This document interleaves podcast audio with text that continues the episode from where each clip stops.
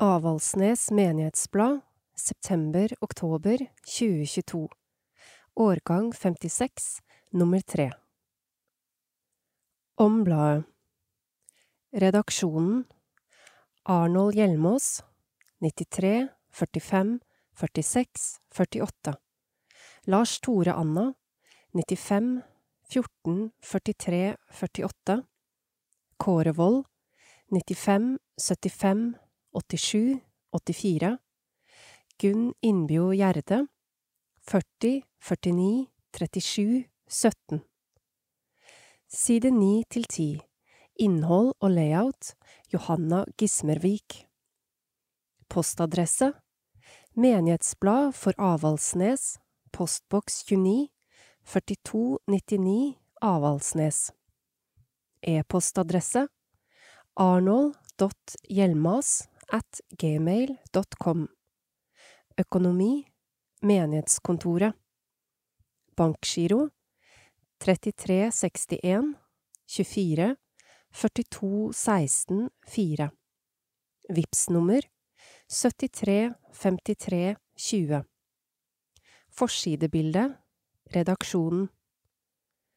Neste nummer av Menighetsbladet. Blad nummer 4 2022 Redaksjonsmøte 19. oktober 2022 Siste frist for stoff 7. november 2022 Bla ut ca. 1. desember Andakt av Gunn Innbjo Gjerde Halvmørke og intens summing av stemmer på mange fremmede tungemål. Varm og tett luft med lukt av røkelse og tente lys. Køen av mennesker beveger seg sakte videre, meter for meter. Jeg befinner meg i gravkirken i Jerusalem. Mennesker av ulike folkeslag og tungemål fra hele verden står og går tett i tett for å se stedet der Jesus ble korsfestet og graven han ble lagt i. Noen dager senere, Mount of Beautitudes, saligprisningenes fjell, frisk luft å puste i og en ny påminnelse om at kristen tro favner så uendelig mye videre når det gjelder tungemål og folkeslag enn jeg tar innover meg i min hverdag. Utsikt til Genesaretsjøen, der flere av disiplene trakk fiskegarnene sine. Nede ved sjøen ligger Kapernaum. Der bodde Jesus en periode av livet sitt. Matteus 4, 13 En spesiell opplevelse å være tett på de stedene der Jesus levde og virket. Hvem var de egentlig? Disse som vandret sammen med Jesus den tiden han gikk rundt og forkynte og gjorde under blant folket sitt? De møtte motstand fra sine egne religiøse ledere, men var lydige mot det oppdraget de hadde fått. Pinsefeiringen i Jerusalem var egentlig en feiring av innhøstingen av grøden og til minne om lovgivningen på Sinai-fjellet. Disiplene var til stede, som så mange andre jøder. Plutselig skjer det ting som ikke hørte med til den vanlige pinsefeiringen. Apostlenes gjerninger 2 Disiplene må stå til rette for troen på at den Jesus som de har tilbrakt så mye tid sammen med, er Messias. Peter og Johannes blir kalt inn for Det høye råd. De har ikke studert skriftene like mye som overprestene og de skriftlærde, men de kan likevel svare for seg. Menigheten vokser. Hva styrket dem? Som ung speiderjente lærte jeg om de fire b-ene Bibel, bønn, brødsbrytelse og brorskap. Dette kan vi lese om at var viktig for de første kristne. Vi vet at det er viktig for dem som i dag blir forfulgt for troen sin. De setter seg selv i stor fare for å samles med andre troende. Det er viktig for oss som har mange utfordringer med hensyn til hva vi skal bruke tida vår og tankene våre på. For meg er dette punkter jeg hviler i. Å bruke dem er ikke å stresse med en lang og krevende what to do-liste, men å ha gode støtter på vandringen gjennom livet. Som når et barn kommer hjem om kvelden og møter en vennlig favn. Slik var det for meg å komme til Gud. Jeg kjente at der hørte jeg hjemme. Det var en plass i Guds store rom, en plass som lenge ventet meg, og jeg kjente, her er jeg hjemme, jeg vil være et barn i Guds hjem. Norsk salmebok 2013 nummer 325 Vi starter opp igjen. Avaldsnes menighet har en lang rekke med tilbud og aktiviteter for alle aldersgrupper. Etter en pause i sommerferien er det oppstart i de fleste grupper og avdelinger nå i månedsskiftet august–september. Vi har prøvd å få en oversikt over når de enkelte gruppene starter igjen, så langt som vi har fått opplysninger om det. Barn og unge Supertirsdag 13. i 9. Babysang 30. i 9. Guttekoret 6. i 9. Testimonia andre i niende, Klubben andre i niende, Jentespeidere 25. i åttende, Vandrere første i niende, Guttespeidere første i niende, tredje til femte klasse, Milk 21. i tiende, Krikk 30. i åttende, Klara medio september.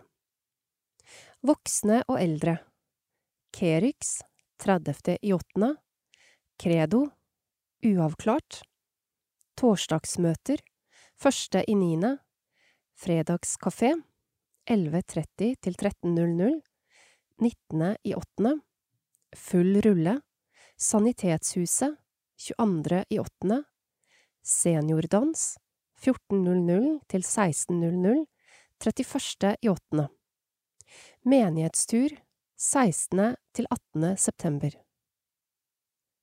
Fødselspermisjon Kateketen vår Annbjørg Utvik Gudmundsen har fødselspermisjon pluss ulønnet permisjon fra 1. i 8. 2022 til 31. i 7. 2023. Marte Elise Solberg er ansatt som vikar i samme tidsrom. Marte Elise var jo også vikar for trosopplærer og diakoniarbeider Ida Kvalevåg i 2020–2021, så hun er godt kjent med arbeid og rutiner når det gjelder barn og ungdom i menigheten. En del av kateketoppgavene blir overtatt av Ida Kvalvåg, mens Marte Elise tar litt av hennes prosjekter. Karmel trenger utvidelse. Vi har et flott menighetshus i Avaldsnes, og det ble påbygd for noen få år siden. Likevel opplever vi den luksus at huset er for lite. Karmel betyr Guds hage, når vi ser det mylderet av barn og unge hver tirsdag, supertirsdag og fredag, testimonia og klubben, ser vi virkelig hvordan det vokser og gror i denne hagen. Men utvidelse krever økonomi. Derfor går menigheten nå ut med en kampanje om givertjeneste for å få folk til å bidra med midler, slik at vi kan komme i gang med dette arbeidet. Klarer vi å samle 500 000, så har Olas bil lovet å bidra med 500 000 til, slik at vi da har skaffet én million. Se brosjyren på side ni. Klipp gjerne ut og lever den på menighetskontoret, eller meld deg som giver via telefon eller mail. Alle bidrag tas imot med takk. Nytt voksentreff i Avaldsnes Vi viser til artikkelen side tre i forrige menighetsblad om at menighetsrådet har fått noen engasjerte medarbeidere til å starte et nytt voksentreff, inntil videre på torsdager. Første treff blir torsdag 6. oktober. Da kommer Geir Toskedal og orienterer om Avaldsnes-prosjektet. Torsdag 17. november kommer Oddbjørn Austevik, som er kjent for sine naturprogrammer og fotografier på TV Haukaland. Det blir enkel servering, sanginnslag og en kort avslutning. Menighetstur 16. til 18. september. I forrige blad hadde vi en notis om en tur for hele menigheten som menighetsrådet arrangerer. Turen legges til 16. til 18. september. Turen går til Grinde, Stemnestaden, og er åpen for både familier og de som ønsker å reise alene. Vi har lenge tenkt at å komme sammen på denne måten vil styrke både fellesskap og samhold i menigheten. Det blir et fantastisk kjekt program for både store og små. Det blir fellessamlinger og egne samlinger for barn, ungdom og voksne. Hele helga vil bli en fin blanding av møter, aktiviteter og fritid, avbrutt av koselige måltider. Det vil bli blant annet morgentrim, kano, rebus, barnemøte, ungdomsmøte, seminar med barnevakt, festgudstjeneste og festmiddag som avslutning. Priser Full pensjon for én helg. Voksne kroner 1520. Ungdom til og med tiende klasse kroner 1100. Barn fire år til sjuende klasse kroner 820. Påmelding til menighetskontoret innen 9. september. Roså Tor Sven Utvik får Roså denne gangen. Hvorfor det? lurte han på. Jo, fordi han er et utpreget ja-menneske, som stiller opp så sant han kan, enten det er å spille i band, synge, hjelpe til å rigge eller hva det skal være. I tillegg er han speiderleder, og han har vært det siden 2017. Men det aller viktigste, synes vi, er at han er så bevisst på å ta familien med på gudstjenester, enten det er i kirken eller på Karmel. Det å få dette til å bli naturlig for barna helt fra de er små, er en rikdom for dem og et eksempel for oss andre. Målet av Arnold Hva er målet for vår kristne tro? Er det først og fremst å få det godt i dette livet? Det spørs hva du legger i det å ha det godt. Er det at du håper Gud skal oppfylle alle dine materielle ønsker og behov? Da blir du nok skuffet. Men legger du i det å ha det godt, at det er en som ser deg, elsker deg og vil ta vare på deg samme hva som skjer her på jorden, da kommer du ikke til å bli skuffet. Vi har en frelser som gikk gjennom død og grav for at du skulle bli tatt vare på, ikke bare her i tiden, men i all evighet. Og her er vi ved kjernen. Målet. Vi hører så mye forkynnelse om livet her og nå, og det er vel og bra, men målet er jo ikke det som skjer her og nå. Målet er evigheten. Det å være med Jesus i et liv uten ende er det som alle kristne ser fram til. Men hvorfor hører vi da så lite om dette? I hvert fall i Den norske kirke. Det står i Bibelen at ved tidens ende vil Jesus sende ut sine engler og samle alle sine fra hele verden, og så skal de gå inn til herligheten hos Gud. Men hva består denne herligheten i? Perleporter og gater av gull? I åpenbaringsboken finner vi forskjellige bilder av hvordan det er i Guds himmel. Men dette er bare bilder for vi mennesker har verken forstand eller ord som kan formidle dette som er langt over vår fatteevne. Skal vi møte våre kjære igjen? Kanskje, eller kanskje ikke. Bibelen gir ikke noe tydelig svar på det. Blir det et liv i evig tilbedelse? Mye kan tyde på det. Når vi får se Jesus og Faderen slik de er, blir det så overveldende at vi ikke kan annet enn å tilbe og det å få være med i et himmelsk lovsangskor sammen med både englene og alle de frelste, må være helt vidunderlig. Hvordan skal vi bli? Blir vi en slags svevende ånder uten noen form for materiell substans?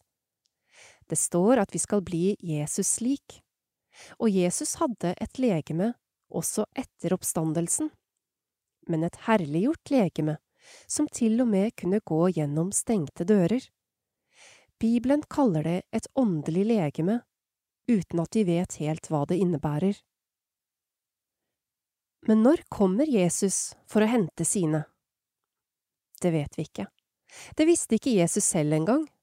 Men vi vet én ting, for det har Jesus sagt. Når jeg har gått bort og gjort i stand et sted for dere, kommer jeg tilbake og tar dere til meg, så dere kan være der jeg er. Johannes 14, 3 Så våg da, for dere kjenner ikke dagen eller timen. Damenes aften Velkommen fra bygd og by til Damenes aften på Karmel menighetshus. Onsdag 26. oktober klokka 19.00. Tema for kvelden Avaldsnes i middelalderen Konger, pilegrimer og kvinner. Foredragsholder Marit Synnøve Vea, leder av Avaldsnes-prosjektet. Sang av Anita Grønningen med Kristin Vikingstad ved pianoet god bevertning, utlodning, allsang. Kveldstanker ved Elbjørg Andreassen. Entré kroner 200. Arrangør Avaldsnes menighet. Fotnoter fra Orgelgalleriet av Arnfinn Tobiassen. Olavsdagene på Avaldsnes med enda bedre publikumstall. Olavsdagene på Avaldsnes, den 30. i rekken siden 1992, hadde i år pilegrimsverdien frihet som fokus. Dette ga seg utslag i både en fotoutstilling, flere arrangement med improvisasjon som element, og et fantastisk avslutningsforedrag der Erling J. Pettersen, tidligere biskop i Stavanger, la vekt på hva frihet for oss er et sitat han formidlet fra sin kollega ved et teologisk fakultet i Kyiv i Ukraina. Frihet er å kunne tjene andre. Årets festival startet allerede andre lørdagen i juni med å åpne fotoutstillingen Frihet, som Ida Kristin Vollum sto for. Det ble en vakker og nær utstillingsåpning, der menighetsrådsleder Bjarte Vikingstad ønsket Vollum og de fremmøtte velkommen, før Ida selv inviterte til å vandre rundt i tårnfoten for å se på bildene på egen hånd. Åpningen ble avsluttet av en kombinert lyrikk og musikkstund ved undertegnede og Tove Virata Bråten. Torsdagsserien Musikk og meditasjon samlet også i år store mengder folk. I gjennomsnitt 73 personer på de fire konsertene. Ole Morten Welde, Markus André Berg, Odd Roar Hult og Arnfinn Tobiassen spilte de fire konsertene. Godt hjulpet av sogneprestene Sveinar Mehaug, Åkra, vår egen Lars Tore Anna, Mai Ingunn Vrålstad, Torvastad og Christian Støle, Kopervik som sto for de liturgiske elementene. Det nye arrangementet vi testet ut i år, var orgelkino. Her viste vi stumfilmen Jesu liv og lidelse fra 1905, og dette ble sterkt for de som tok turen og fikk oppleve både den imponerende filmteknikk etter datidens standard og det fabelaktige orgelakkompagnementet av Sigbjørn Apeland. Testimonia, lyd og lys hjalp oss med den tekniske løsningen som gjorde at det hele gikk knirkefritt for seg. Olsok opprant med et flott vær som gjorde at de 26 pilegrimsvandrerne fikk en herlig vandring i sol og lett bris. Wenche og Jon Littner tok seg av planlegging og gjennomføring, godt assistert av Elisabeth Lyngstad og Helge Gaard. De ankom i god tid før Olsokmessen klokka 21, som Geir Styve styrte med stø hånd. Denne messen var den vi spanderte mest ressurser på.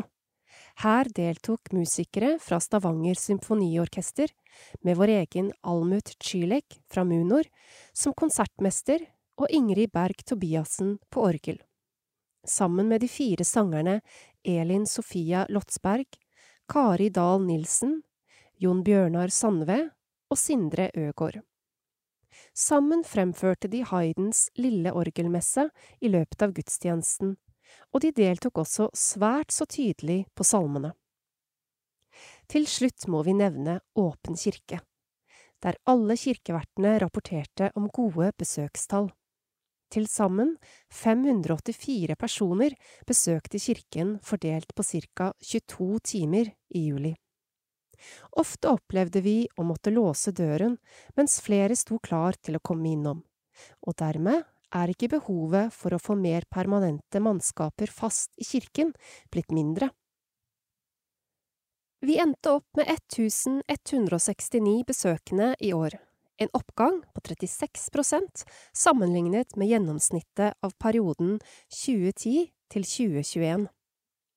Tusen takk til alle som har bidratt, både til fortsatt høy kvalitet og fortsatt gode publikumstall.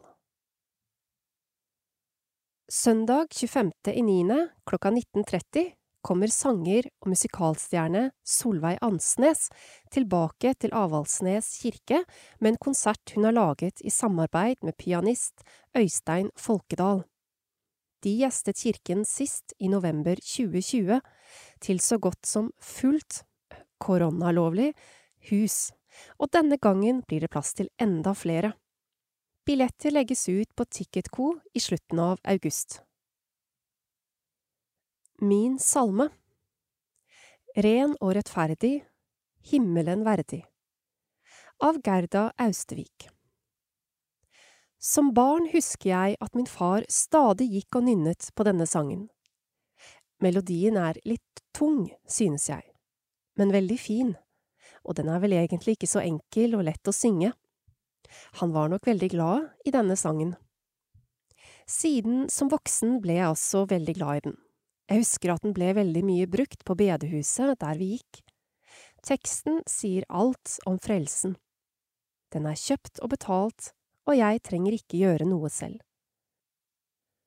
For meg er teksten i en sang svært viktig, og noe av det første jeg legger merke til. En tekst som dette er som en skatt å bære inni seg om du lærer den utenat, noe du kan ta fram når du trenger det, eller bare nynne melodien og tenke på teksten.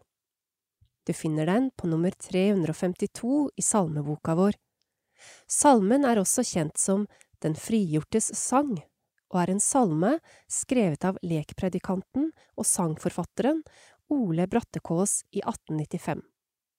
Melodien er en svensk folketone fra Nordland. Ole Brattekås, 1863 1916, er også kjent som sangbokredaktør.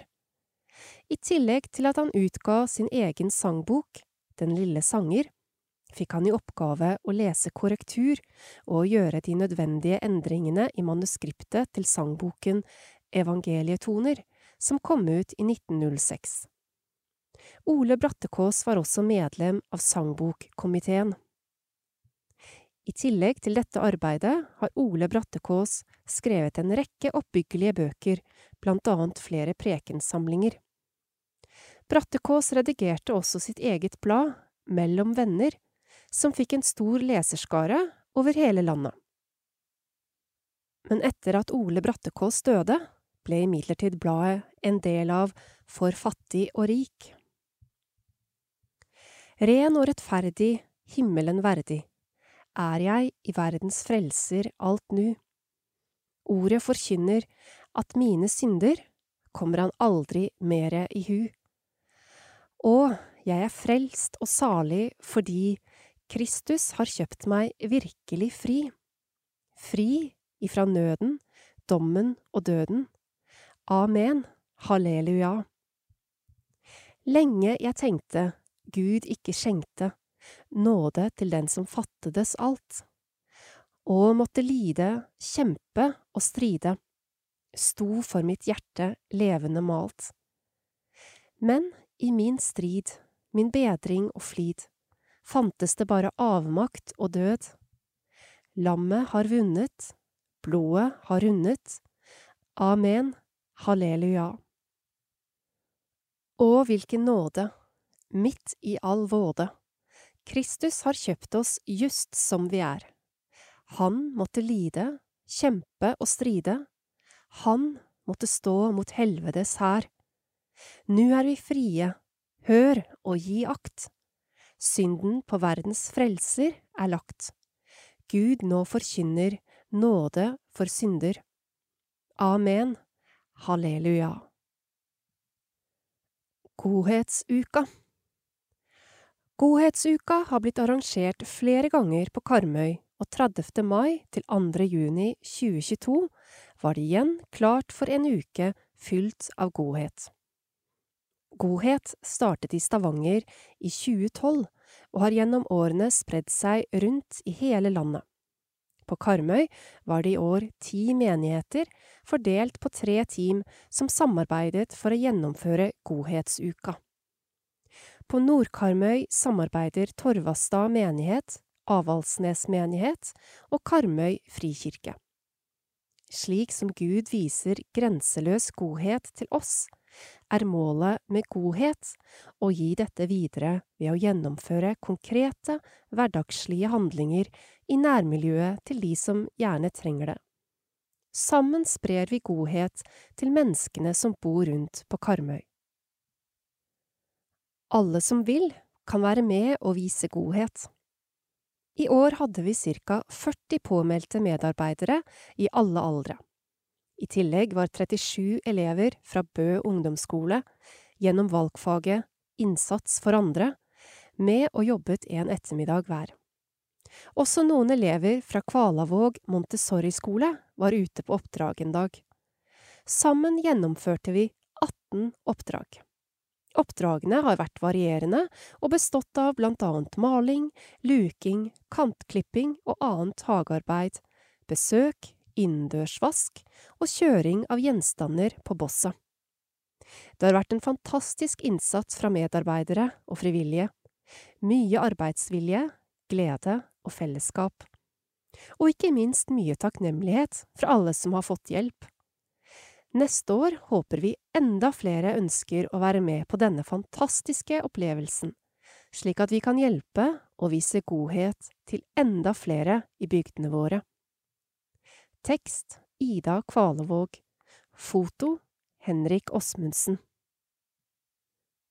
Kirkestreik i Avaldsnes Kirkestreik i Avaldsnes På grunn av elendig vedlikehold? Her med nyoppusset kirke i topp stand? Nei, ikke nå. Nå er vi jo svært så heldige i så måte. Men det har ikke alltid vært slik. Vi skrev i forrige nummer om da prekestolen ramlet ned med presten oppi.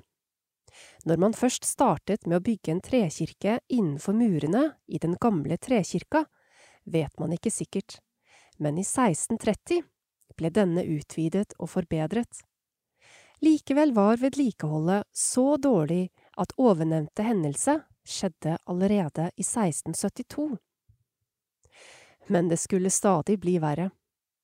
Etter den store nordiske krig, 1700 til 1720, var statskassa bunnskrapt, og kong Fredrik den fjerde hadde ikke mulighet til å betjene de lånene han hadde tatt opp for å finansiere krigshandlingene. Da fikk han råd om å selge en del av kirkene, som jo var blitt kongelig eiendom etter reformasjonen. En av dem som ble solgt, var Avaldsnes kirke. I 1725 ble kirken solgt til en oberst, Georg von Krogh, for 575 riksdaler. Han solgte den videre til sin bror Kristoffer von Krogh, som allerede hadde tilegnet seg flere kirker blant annet kirken i Røldal. Hadde vedlikeholdet vært mangelfullt før, ble det ikke bedre nå, når de nye eierne først og fremst så på kirken som en melkeku som det gjaldt å få mest mulig inntekter av. Til slutt ble tilstanden så dårlig at allmuen sto opp og forlangte en skikkelig utbedring. Nå støttet von Krogh seg på kongelige vedtak om at kirkeeierne hadde plikt til å vedlikeholde kirkene, mens innbyggerne hadde plikt til å skaffe det tømmeret som trengtes. Her måtte det skaffes fra Nedstrand eller Ryfylke og fløtes til Karmøy, og utgiftene måtte bøndene dekke. Disse ble satt så høyt at bøndene nektet, og så kom de for første gang sammen og laget et vedtak om at fra førstkommende søndag nektet de å komme til kirken før kirkeeieren hadde satt den i forsvarlig stand. De ville i stedet gå til messe i nabokirkene. De fikk faktisk støtte av prost og biskop, og 22. oktober 1746 samtykker biskopen i at prest og menighet i Avaldsnes kan benytte de fire nærmeste nabokirkene etter tur. Så fra 1746 til 1750 står faktisk Avaldsnes kirke tom, på alle helligdager, inklusiv jul og påske. Etter mange videreverdigheter fikk von Krogh ultimatum fra kongen om at hvis han ikke satte kirken i stand igjen, ville kongen ta den tilbake, uten vederlag. Von Krogh hadde etter hvert blitt så lei av hele kirkesaken at han solgte den til prosten, herr Skrøder, for 200 riksdaler, og prosten foretok nå de nødvendige reparasjonene som måtte til for at kirken skulle være i noenlunde akseptabel stand. Så i 1750 ble kirkestreiken avsluttet, og kirken ble igjen tatt i bruk for innbyggerne i Avaldsnes kirkesogn. Arnold Barnasida Supertirsdag, oppstart 13. september Det er digg med ferie. Vi håper at alle har hatt en fin sommer og er klar for å synge, leke, spise og høre om Jesus på supertirsdag. Velkommen! Tur I høst skal Avaldsnes menighet på en tur sammen. Det blir barnemøte, hengekøyer, leker og masse gøy. Hele familien kan bli med. Mer info om turen finner du i bladet. Hver søndag da det er Karmel-gudstjeneste, blir det tur til Bukkøy etterpå. Vi møtes ved kirka ca. klokka 13.00. Det blir fantastisk. Alle tar med seg egen mat og drikke, så blir det skikkelig koselig. Vi gleder oss til å se dere der. Bli med. Speidere på sorpete landsleir Tekst Carola Bilder Gunn I. Gjerde og Ingvild Hagen Hjelmås i sommer var det speiderlandsleir på Forsand. 3500 speidere deltok. 18 av dem var fra Avaldsnes. Vi deltok på forskjellige aktiviteter og tok mange merker. Speiderne, og særlig roverne, ble kjent med speidere fra andre tropper, og roverne våre ble faktisk landsleirmestere i volleyball. Imponerende. Haiken ble redusert på grunn av regnet men vandrergjengen fikk seg en lang dagstur i stedet. Selv om leiren ble sterkt preget av dyp sorpe, regn, grøftegraving og evakuering av våte unger, så har vi med oss hjem masse gode minner, erfaringer og nye vennskap. Denne leiren kommer vi til å huske. Oppstart Går du i fjerde eller femte klasse og har lyst til å bli jentespeider? Møt opp ved Avaldsnes kirke torsdag 25. august klokka 16.30. Vi går ned til sjøen og ser på livet i fjæra, og så kan du finne ut litt mer om hva speiding er. Vi møtes annenhver torsdag 16.30 til 18.00. Oppmøtested vil variere. Vandrerne, fra sjette klasse og oppover, har oppstart torsdag 1. september 16.30 til 18.00. Har du lyst til å begynne, ta kontakt med Carola på telefon 93 69 36 20. Slik ble mitt liv. Kolbein Skeie. Menighetsbladets serie der vi intervjuer personer om hvordan livet deres har artet seg, fortsetter. Hva har de opplevd av godt og vondt? Hva har gått som planlagt, og hva har forandret livet underveis? Denne gangen drar vi til Kolbein Skeie, som har mangt å berette fra et langt og interessant liv. Kolbein Skeie ble født 6. november 1935 og vokste opp på Skeie. Kolbeins far hadde sykkelverksted, først i Kopervik og så på Dalen. Han jobbet også i gruvene på Visnes, og i tillegg var han fisker. Kolbein ble gift med Judith fra Sevland i 1962. Han traff henne først på meieriet i Kopervik, der hun jobbet. De fikk to barn, en gutt og en jente. Som nygift overga Kolbein seg til Jesus på bedehuset Josheim på Sevland. Skole Kolbein gikk på skolen på Skeia. Etter det tok han Framhaldsskolen, og der lærte han blant annet engelsk. Både Kolbein og Judith gikk på Utgarden folkehøgskole, hun først og han året etter. Så tok Kolbein landbruksskolen på Nedstrand, og jobbet deretter på gård. Han overtok gården hjemme i 1967, og i 1972 kjøpte han onkelen sin gård. På det meste hadde han 23 kyr, totalt 60 med kalver og ungdyr. Bil og sertifikat. En gang han var ute og kjørte bil med sin far, sa faren. Nå kan du kjøre, Kolbein. Dette var før han hadde fått sertifikat. Da han tok sertifikatet, hadde han én kjøretime, og det kostet tolv kroner, pluss 25 kroner for leie av bil. I 1940 kjøpte både han og faren hver sin Ford, og betalte kroner 2000 for hver. Den siste bilen kostet 320 000, så det viser utviklingen, hvordan prisene har steget. FN-tjeneste Kolbein er stolt over å ha vært med i første FN-kontingent et halvt år i Suez, Egypt, 1956–57. Der var han sjåfør i Sanitetskompaniet. Ådne Utvik var der samtidig, så de var to fra Avaldsnes. Arbeidsliv Etter konfirmasjonen fikk Kolbein sin første jobb på hermetikkfabrikken på Dalen. Senere flyttet fabrikken til det som nå er det nåværende ABR-senteret. Så jobbet han i sildoljen på Matlandsvågen som skiftarbeider. Der tok de imot sildoljemjøl, og han ble fort fortrolig med lukten. Kolbein og to andre bønder ble med på å bygge hus om høsten da det var lite arbeid på gården, og i en periode ble Kolbein byggeleder for Blokk Vatne. Det var ingen traktorer på Skeie i 1960. Da han kom hjem, etter å ha vært i FN-bataljonen, kjøpte Kolbein traktor, og han kjørte leiekjøring for 40 gårdsbruk. Han kjørte møkkaspredervogn, og det var pløying, høying, silo og kornblanding med sjølbindermaskin. Det var nesten ingen som hadde slikt utstyr på den tiden.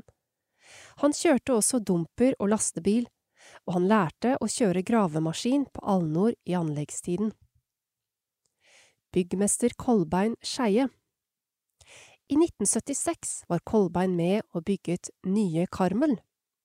Han hadde Jakob Kalstø, Sven Utvik, Gabriel Kjosavik, Severin Våge og Lars Magne Skeie med seg. De hadde også med seg svært mange frivillige som stilte ivrig opp når det passet for dem. Disse gjorde en kjempeinnsats i byggeperioden. Dette arbeidet sto ferdig 9.9.79. De fikk Augvaldsprisen 2013 for denne arbeidsinnsatsen. Menighet Kolbein var med i kirkekoret i 29 år. Han sang bass. Han satt i Avaldsnes menighetsråd i to perioder, og han er medlem i Tempelridderlosjen og MA. Kolbein og Rasmus Skeie laget malen til nye kirkebenker. Det var benkeputer kun på de bakerste benkene, og Rasmus sa hvis der hadde vært puter helt fram til benkene hvor dåpsfolket sitter, hadde de sikkert kommet tilbake. Kolbein og Judith har vært trofaste og aktive kirkegjengere, og de trives også godt hos Frelsesarmeen. Kolbein ble pensjonist i 2000. Samme år begynte han å hjelpe til hos IMI begravelsesbyrå. Holger Straum var formann i byrået. Det var behov for flere folk, og i over tolv år har Kolbein vært medhjelper der. Reise Kolbein liker å reise. I tillegg til at han har vært i Suez og Egypt, har han blant annet vært i Kina, USA, England og Spania. Ekstraordinære evner Kolbein har evne til å blant annet finne vannårer. Han bruker to vinkelstrenger i metall, og han har hjulpet mange med dette. Han har i lag med Ådne Utvik også funnet bautasteiner under jorden rundt kirken. Når han utfører dette, sier han Min gode hjelper i Jesu navn. barn og barnebarn. Kolbein vil også gjerne ha med at de har to barn og to barnebarn som bor i nærheten og som er til god støtte og hjelp. Til avslutning sier han, Du kjem ikke til himmelen på gode gjerninger, da må du ha navnet ditt skrevet i livets bok. Vi takker Kolbein for den gode praten og for den gode innsatsen han har gjort for Avaldsnes menighet og samfunn. Vi ønsker Judith og Kolbein alt godt videre. Av Kåre Wold Elvis Presley Ikke bare rock Kongen av rock'n'roll er igjen aktuell gjennom Bas Lurmans nye film, men det var gospelmusikken som gjerne fikk fram hans beste kvaliteter som sanger. Av Nils Petter Enstad, KPK en augustdag for 45 år siden gikk en melding ut over hele verden. Sangeren Elvis Presley var død, 42 år gammel. Helt siden han drøyt 20 år tidligere hadde hatt sin første suksess med en hyllest til sin mor. That's All Right Mama, hadde han vært et kjent navn. Elsket og beundret, hånet og foraktet, men en man ikke kom utenom. I sommer er han igjen aktuell som hovedperson i en ny film. Han ble kalt The King of Rock and Roll, men det var gospelmusikken som fikk fram de beste kvalitetene hos ham som sanger. I den nye filmen kommer imidlertid denne siden av Elvis lite fram, ifølge blant annet dagens filmanmelder. Favorittgospel det var med framføringen av Peace in the Valley i det prestisjetunge Ed Sullivan Show på amerikansk fjernsyn at Elvis sto fram som gospelsanger. Han måtte kjempe for å få sunget den i programmet. Ed Sullivan ville ikke ha en kristen sang med i showet, men han måtte bøye seg for artistens argument. Han hadde lovet sin mor å synge den. Selv Ed Sullivan forsto at det en kristen sørstatsgutt hadde lovet mamma, ikke var gjenstand for diskusjon. Det var likevel How Great Thou Art og Store Gud som ble Elvis' signaturmelodi som gospelsanger. Salmen er opprinnelig svensk, skrevet i 1885 av den 26 år gamle misjonsforbundspastoren Carl Boberg. Historien om sangens vei verden rundt fortjener å bli fortalt, i en annen sammenheng. Elvis ble kjent med salmen på 1960-tallet, og tok den med på albumet How Great Thou Art i 1967. Dette albumet ga ham hans første Grammy-pris året etter. Han omtalte den som hans favorittgospel, og i 1970 tok han den med i konsertprogrammet sitt. Det skal ha skjedd på et innfall fra artistens side. Han ringte fra bilen en halv times tid før en konsert og ga beskjed om at han ville ha med How Great. Da musikklederen innvendte at han hadde ikke noe arrangement på sangen, skal han bare ha fått beskjed om å lage et. Utrolig nok fungerte det bra. Per Erik Hallin, som spilte piano for Elvis tidlig på 1970-tallet, har fortalt at da han gjorde Elvis oppmerksom på at dette opprinnelig var en svensk sang, skal Elvis ha trodd at Pete, som svensken ble kalt, bare tullet med ham. Gospelalbum Elvis laget fire rene gospelalbum. His Hand in Mine 1960, How Great Thou Art 1967, You Never Walk Alone 1971 og He Touched Me 1972. I tillegg laget han to album med julesanger, både kristne og sekulære. I alt 87 salmer og gospelsanger festet han til rillene, og samtlige av de tre Grammy-prisene han fikk, var for gospelsanger og gospelalbum. To av dem var knyttet til How Great Thou Art. Den ene for albumet som sådan, og den andre for en konsertversjon av salmen. Den tredje Grammy-prisen fikk han for albumet He Touched Me. I 2001, nesten 25 år etter sin død, ble Elvis Presley votert inn i The Gospel Hall of Fame. Datteren hans, Lisa Marie, sa i den forbindelse at det var denne musikken som lå hennes fars hjerte nærmest. Det er ingen tvil om at den usunne livsstilen til Elvis, ikke minst et massivt pillemisbruk, bidro til å forkorte livet hans med mange tiår. Han var gjennom mesteparten av sitt voksne liv omgitt av personer som var mer opptatt av å utnytte ham enn å gi ham råd til å treffe gode valg. Dette førte til at det var sider ved hans liv som mange ville ha problemer med å kombinere med et kristent vitnesbyrd. Hans venn, Joe Mossico, som skrev boka The Gospel Side of Elvis Presley, 2007, sa det slik. Han tapte noen kamper som jeg ikke har behøvd å kjempe. Han deltok i en annen krig. Kjempet han den gode strid? Det kan bare Gud svare på. Fra Kristelig Pressekontor, KPK Forfulgte kristne Nigeria igjen I serien om forfulgte kristne kommer vi aldri til å gå tomme for stoff. Det skjer stadig nye overgrep i land etter land. I vårt land har vi sluppet lett så langt, men vi begynner å merke et stemningsskifte her også. Det er ikke særlig populært i alle sammenhenger å bekjenne seg som kristen.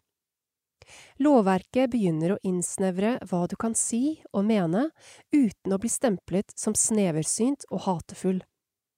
Pride-ideologien har bredt seg som en farsott og fått fotfeste i store deler av befolkningen, med alle dens forestillinger om kjønnsmangfold, fri og uforpliktende kjærlighet osv. Noe som var utenkelig bare for noen få år siden. Det å prøve på å hjelpe noen til å bli fri fra homofili kan etter det nye lovforslaget til Trettebergstuen medføre inntil seks års fengsel tilsvarende rammen for uaktsomt drap. Så det å hevde genuint kristne og bibelske sannheter vil nok bli stadig vanskeligere. Men i store deler av verden er det tross alt helt andre trengsler som møter kristne. Alt fra terror og drap til å bli nektet vann og fôr til dyrene, bli nektet utdannelse for barna, kastet ut av landsbyer og familier, osv jihadister med trusler mot kristne over hele verden. Nigeria Video med drap på 20 kristne menn delt på sosiale medier fredag 3. juni 2022. Fire menn sitter i en ring på bakken kontrollert av flere terrorister. En av terroristene stirrer inn i kamera og begynner å true kristne over hele verden med at jihadister vil være i krig med dem til tidenes ende. Deretter blir de fire skutt. Da den neste gruppen blir loset inn, fortsetter ISWAP-terroristen sin enetale og lover at de vil hevne sine brødres død ved å angripe kristne over hele verden. Islamic States West Africa Province, ISWAP, er en utbrytergruppe fra Boko Haram som i 2015 sluttet seg til IS. Drapene skal, ifølge BBC, ha vært for å hevne Abu Ibrahim al-Qurashi, IS tidligere leder, som i februar sprengte seg i luften etter at amerikanske soldater hadde omringet skjulestedet hans i Syria. Hvilken forbindelse er det mellom nigerianske kristne og amerikanske soldater i Syria, kan man jo spørre. Jo, ISWAP tror, igjen ifølge BBC, på en konspirasjonsteori som hevder at kristne over hele verden samarbeider med stormaktene for å undertvinge seg verdens muslimer. Slik blir løgn og konspirasjon omsatt til hat og drap.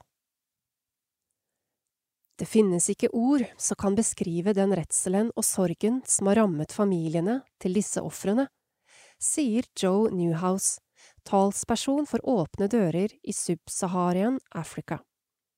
Likevel, fortsetter hun, selv om ISWAP på denne måten forsøker å spre frykt, så bør kristne over hele verden la seg inspirere av disse mennene, som, så langt vi vet, holdt fast på troen selv om de visste at det ville koste dem livet. Jihadistgruppenes økende innflytelse i Nigeria er svært urovekkende, fortsetter Newhouse. Hele samfunn er blitt traumatisert og utradert. Vi håper denne videoen kan bli en vekker for regionale myndigheter, slik at de handler, og for det internasjonale samfunnet til å gjøre noe med de faktorene som skaper grobunn for slike grupper. En bølge av vold og overgrep Dette er langt fra det eneste angrepet fra ISWAP. I april i år angrep de et marked i Ivare i delstaten Taraba, og minst 20 ble drept eller skadet. På meldingstjenesten Telegram uttalte gruppa da at kalifatets soldater i det sentrale Nigeria hadde gjennomført et angrep mot en gruppe utro kristne. Flere kristne blir drept i Nigeria enn i samtlige andre land i verden til sammen, og Nigeria ligger som nummer sju på World Watch List.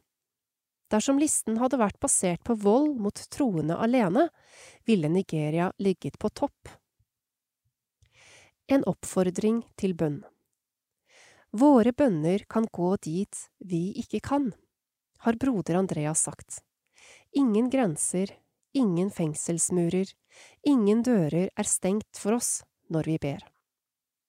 Å være med og be for våre forfulgte trossøsken er et privilegium og en viktig oppgave i Guds rike. Vil du være med og be for våre nigerianske trossøsken? Her er noe du kan be om. Om at ofrenes familie og venner må være omgitt av Guds trøst. Om beskyttelse for kristne i Nigeria. Be Gud gi dem styrke og fred til å stå faste i troen. Fra Åpne dører Prestahjørna Meningen med livet av Lars Tore Anna Tenker du noen gang på hva meningen med livet er? Kanskje ikke. Kanskje ikke det er så mye annet å være opptatt av. Noen orker ikke tenke på det heller. Det er for stort. Eller vi har det så godt at vi ikke behøver å tenke på det. Men av og til, hva gjør vi her i denne verden? Livet er til for å nytes, kan du svare. Det er kort, og det gjelder å få mest mulig ut av det. Etter en lang tid med restriksjoner, hvor vi opplevde at det var mye vi ikke kunne gjøre, ting som var viktig for oss, er det nå igjen mulig å ta litt av det tapte tilbake. Nå kan vi reise, oppsøke kulturlivet og menighetslivet, og leve de liv vi setter pris på. Hva gir livet mening? Den norske sangeren Garielle synger i en sang hun har kalt Mer. Vi har mer, mer enn det der, mer enn det verden gir, mer.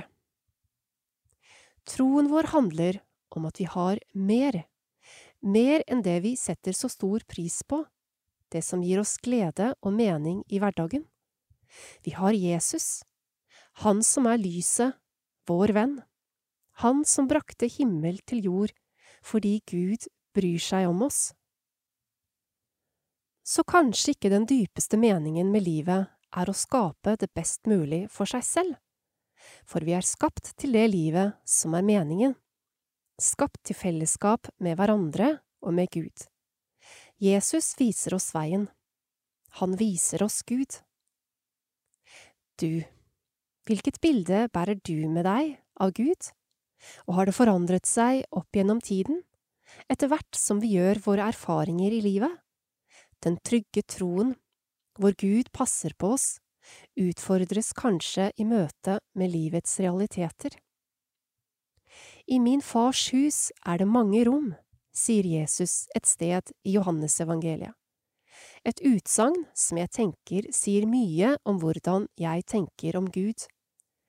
Jesus er veien til farshuset, et sted preget av raushet og god plass. En Gud som ikke stenger døra.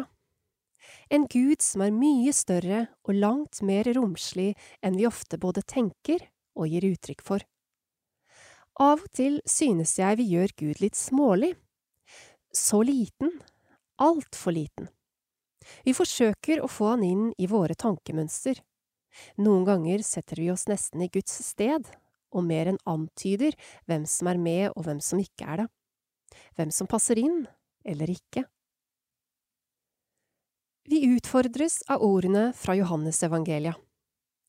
Guds hus er et hus med mange rom, med plass for mye forskjellig. Ulike tanker og meninger, erfaringer og mennesketyper. Et stort hus med mange rom hvor Gud selv inviterer og ønsker velkommen. Han står klar og tar imot oss når vi kommer til kort, snubler og faller og ikke får det til. Han ser oss når vi sliter og synes livet byr på mer motgang enn glede og gode dager. Han slutter aldri å komme oss i møte, og når livet her er slutt, finnes det et sted hvor vi er ventet. Eller som Ole Paus uttrykker det i en av sine mange sanger. Hvem kommer til meg når andre går bort? Hvem blir igjen? Hvem våger se bak alt jeg har gjort, og likevel kalle seg venn? Hvem orker se meg som den jeg er, og elske meg som en sønn? Det begynner å bli et liv, dette her. Det begynner å ligne en bønn. Gud kommer til oss og tar imot oss med sin uendelige kjærlighet, allerede nå og når vi en gang skal forlate denne verden. Han har vist oss hvem han er og hva han vil oss gjennom Sønnen Jesus Kristus, som ved sitt liv og sin død nettopp åpnet huset med de mange rom. Sommerkryssord fra KPK Vannrett 1.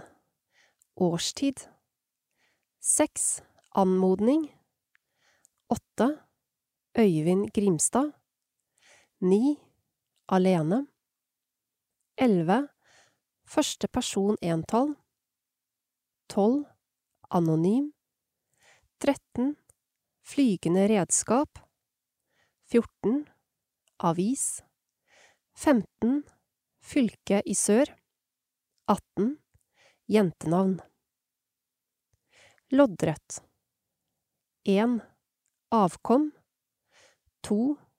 Ukedag tre kulyd fire sta fem guttenavn seks guttenavn sju land ti Marie Olsen seksten doktor sytten Einar Dørum Gudstjenester dette er planen som er utarbeidet innen bladet går i trykken. I disse tider kan det fort skje endringer, så følg med i aviser eller menighetens nett- og Facebook-sider. Søndag 4.9.2022 13. søndag i treenighetstiden klokka 11.00 Gudstjeneste på Karmel ved Lars Tore Anna. Nattvær. Offer til NMS Thailand. Søndag 11.9.2022 Vinkårssøndag klokka 11.00 Gudstjeneste i kirken. Bibel til fireåringene. Høsttakkefest. Offer til Sambolabo Fredag 16. til søndag 18.9.2022 Menighetstur til Stemnestaden i Grinde Påmelding Søndag 18.9. til 15 søndag i treenighetstiden. Klokka 11.00 åpen gudstjeneste på Stemnestaden ved Lars Tore Anna og band. Offer til givertjenesten i menigheten. Alle velkommen. Søndag 25.9.2022 16. søndag i treenighetstiden klokka 11.00 Friluftsgudstjeneste i Fransehagen Visnes ved Lars Tore Anna og Arnfinn Tobiassen. Offer til Avaldsnes menighet. Søndag 2. i 10. 2022. 17. søndag i treenighetstiden klokka 11.00 Gudstjeneste på Karmel ved Lars Tore Anna. Nattvær. Offer til menighetens misjonsprosjekt i Brasil. Søndag 9.10.2022 18. søndag i treenighetstiden klokka 11.00 Gudstjeneste i Olavskirken ved Sveinar Mehaug og Arnfinn Tobiassen. Dåp. Offer til Karmsund ABR-senter. Søndag 16.10.2022 19. søndag i treenighetstiden klokka 11.00 Gudstjeneste på Karmel ved Lars Tore Anna. Nattvær. Offer til Avaldsnes menighet. Søndag 23.10.2022 20. søndag i treenighetstiden klokka 11.00 Gudstjeneste i Olavskirken ved Lars Tore Anna og Arnfinn Tobiassen. Dåp. Nattvær. Konfirmantjubileum. Offer til TV-aksjonen. Søndag 30.10.2022 Bots- og bønnedag klokka 11.00 Gudstjeneste på Karmel ved Lars Tore Anna.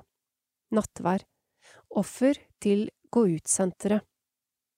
Søndag 6.11.2022 Allehelgensdag klokka 11.00 Gudstjeneste i Olavskirken ved Lars Tore Anna og Arnfinn Tobiassen.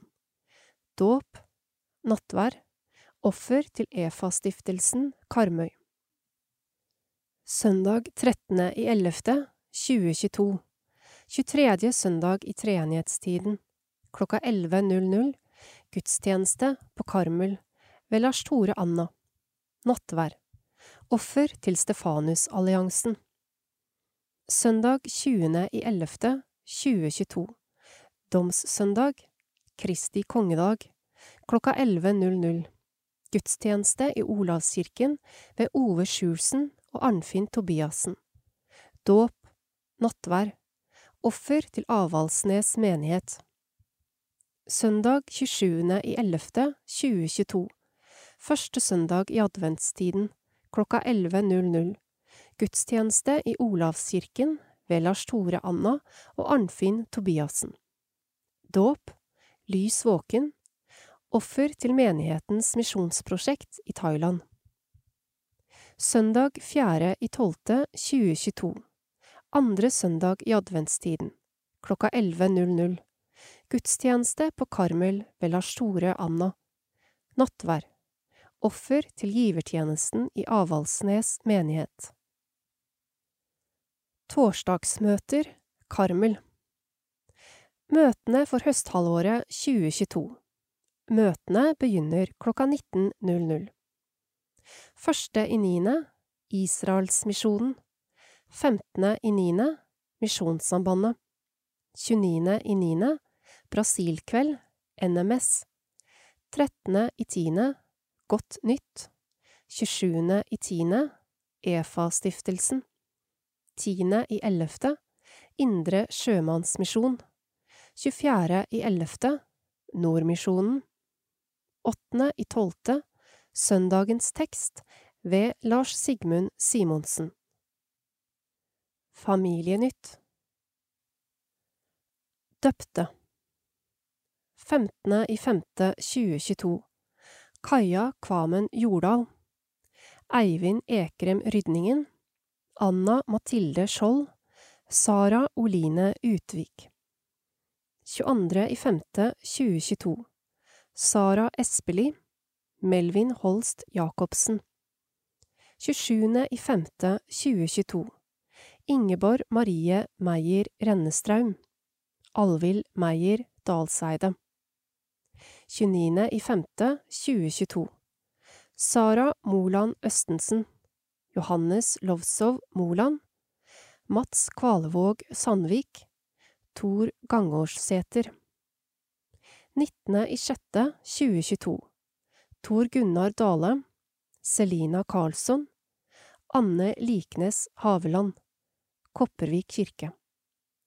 Tredje i sjuende 2022 Olivia Fredriksen. 31. i sjuende 2022 Henry Hovadstad Vigde.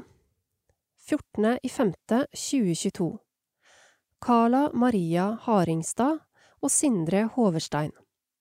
21.05.2022 Marie Bogetveit og Markus Egge. 27.05.2022 Anja Meyer og Stian Rennestraum. 28.05.2022 Jenny Bårdsen og Jakob Mestvedthagen Malene Spissøy og Lars Ove Gåsland. 4.6.2022 Birgitte Torkelsen og Halvor Eilerås.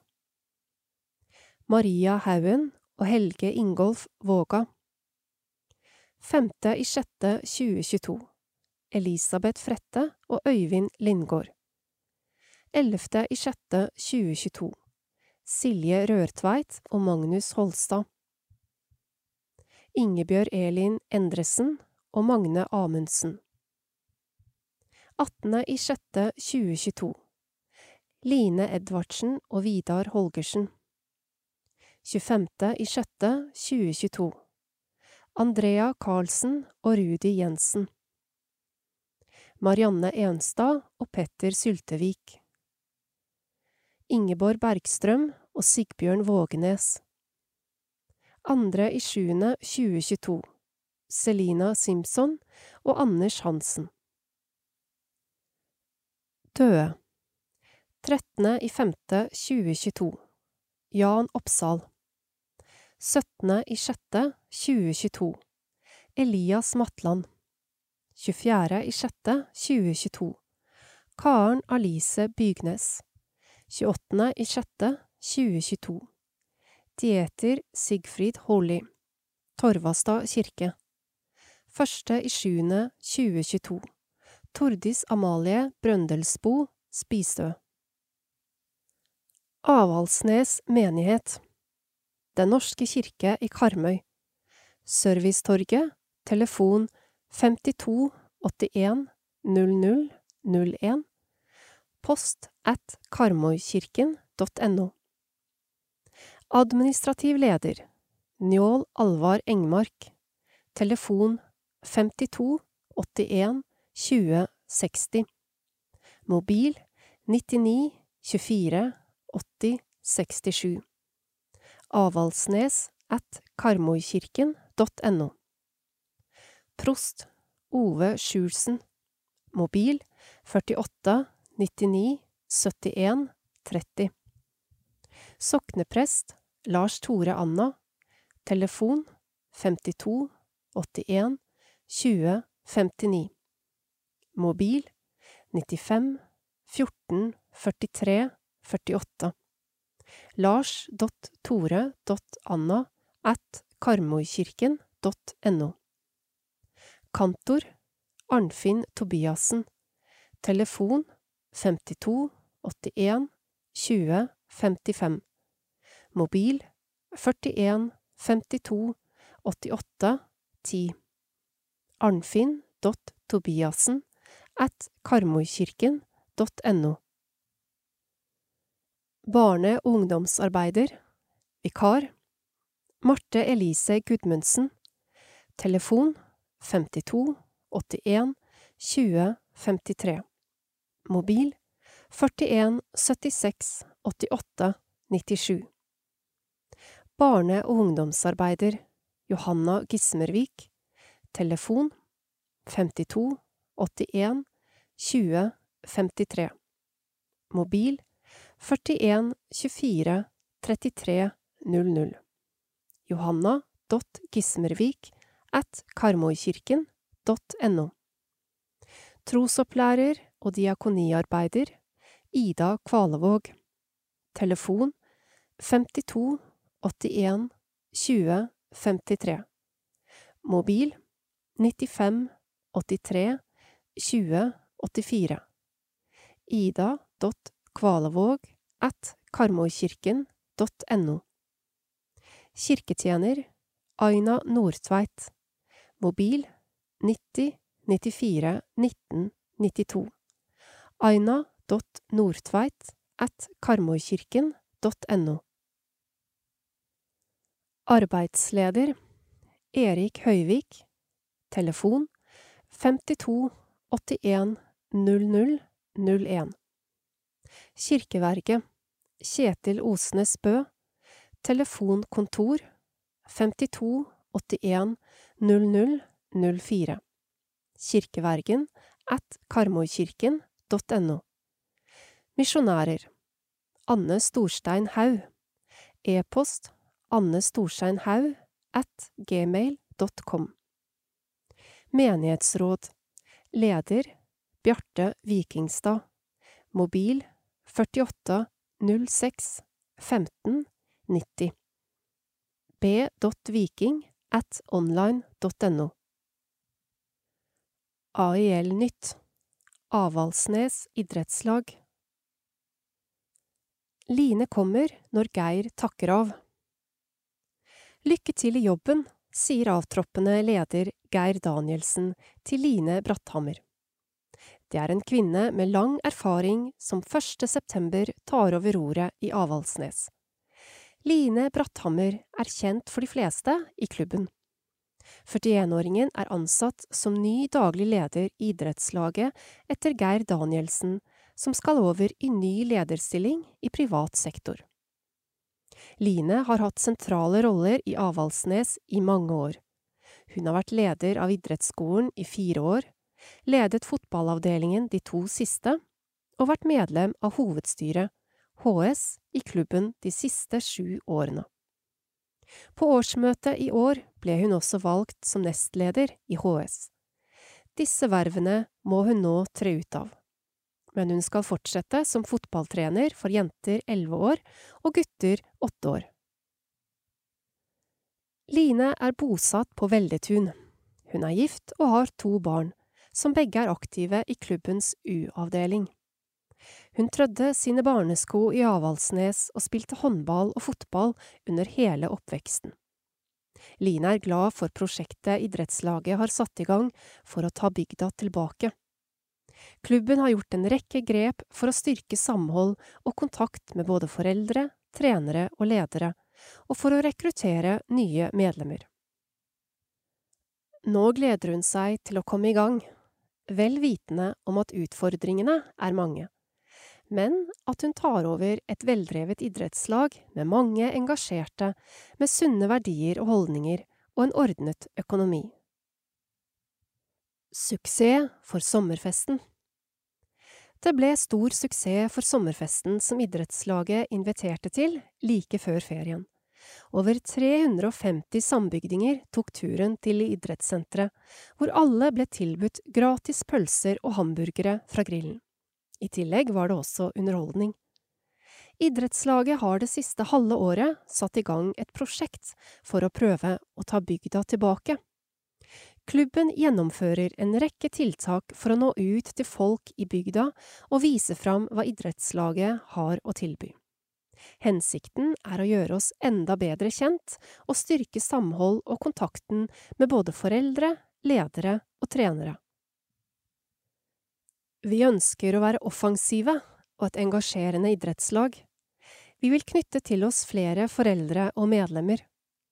Det er behov for tiltak etter to år med pandemi og tilbakegang i idrettsaktiviteten i hele Norge, sier påtroppende daglig leder i Avaldsnes, Line Bratthammer. Sommerfesten var et ledd i nettopp dette, og nå håper hun idrettslaget kan gjennomføre et lignende arrangement i desember. Det får vi eventuelt komme tilbake til, men en grøtfest var planlagt til jul 2021 den måtte imidlertid avlyses på grunn av covid-19-tiltakene som ble innført, slutter hun. Billettsalget til julekonsertene starter 1. september. Koronapandemien satte en effektiv stopper for julekonsertene i Avaldsnes kirke i 2021. Nå blir det imidlertid ny julekonsert med lokale krefter og orkester søndag 18. desember. Det er operasangerne Ole Morten Welde og ektefellen Siri Kval Ødegård som er artister. De vil fremføre varme tolkninger av gamle, tradisjonelle julesanger, ikledd noen andre kjente, klassiske høydepunkter. Salget av billetter til julekonserten Jul i Avaldsnes kirke starter i begynnelsen på september og kjøpes på www.ticketco.no. Vi håper å gi publikum den rette julestemningen. Repertoaret blir tradisjonelle julesanger, ikledd noen klassiske høydepunkter. Vi gleder oss virkelig, dette kommer til å bli spesielt, sier de lokale artistene fra Avaldsnes, Ole Morten Welde og Siri Kval Ødegård. Utannonsering Slutt på lydboken Innleser Merete Bø Skulle det være feil ved lydboken, kan du ta kontakt med KAB.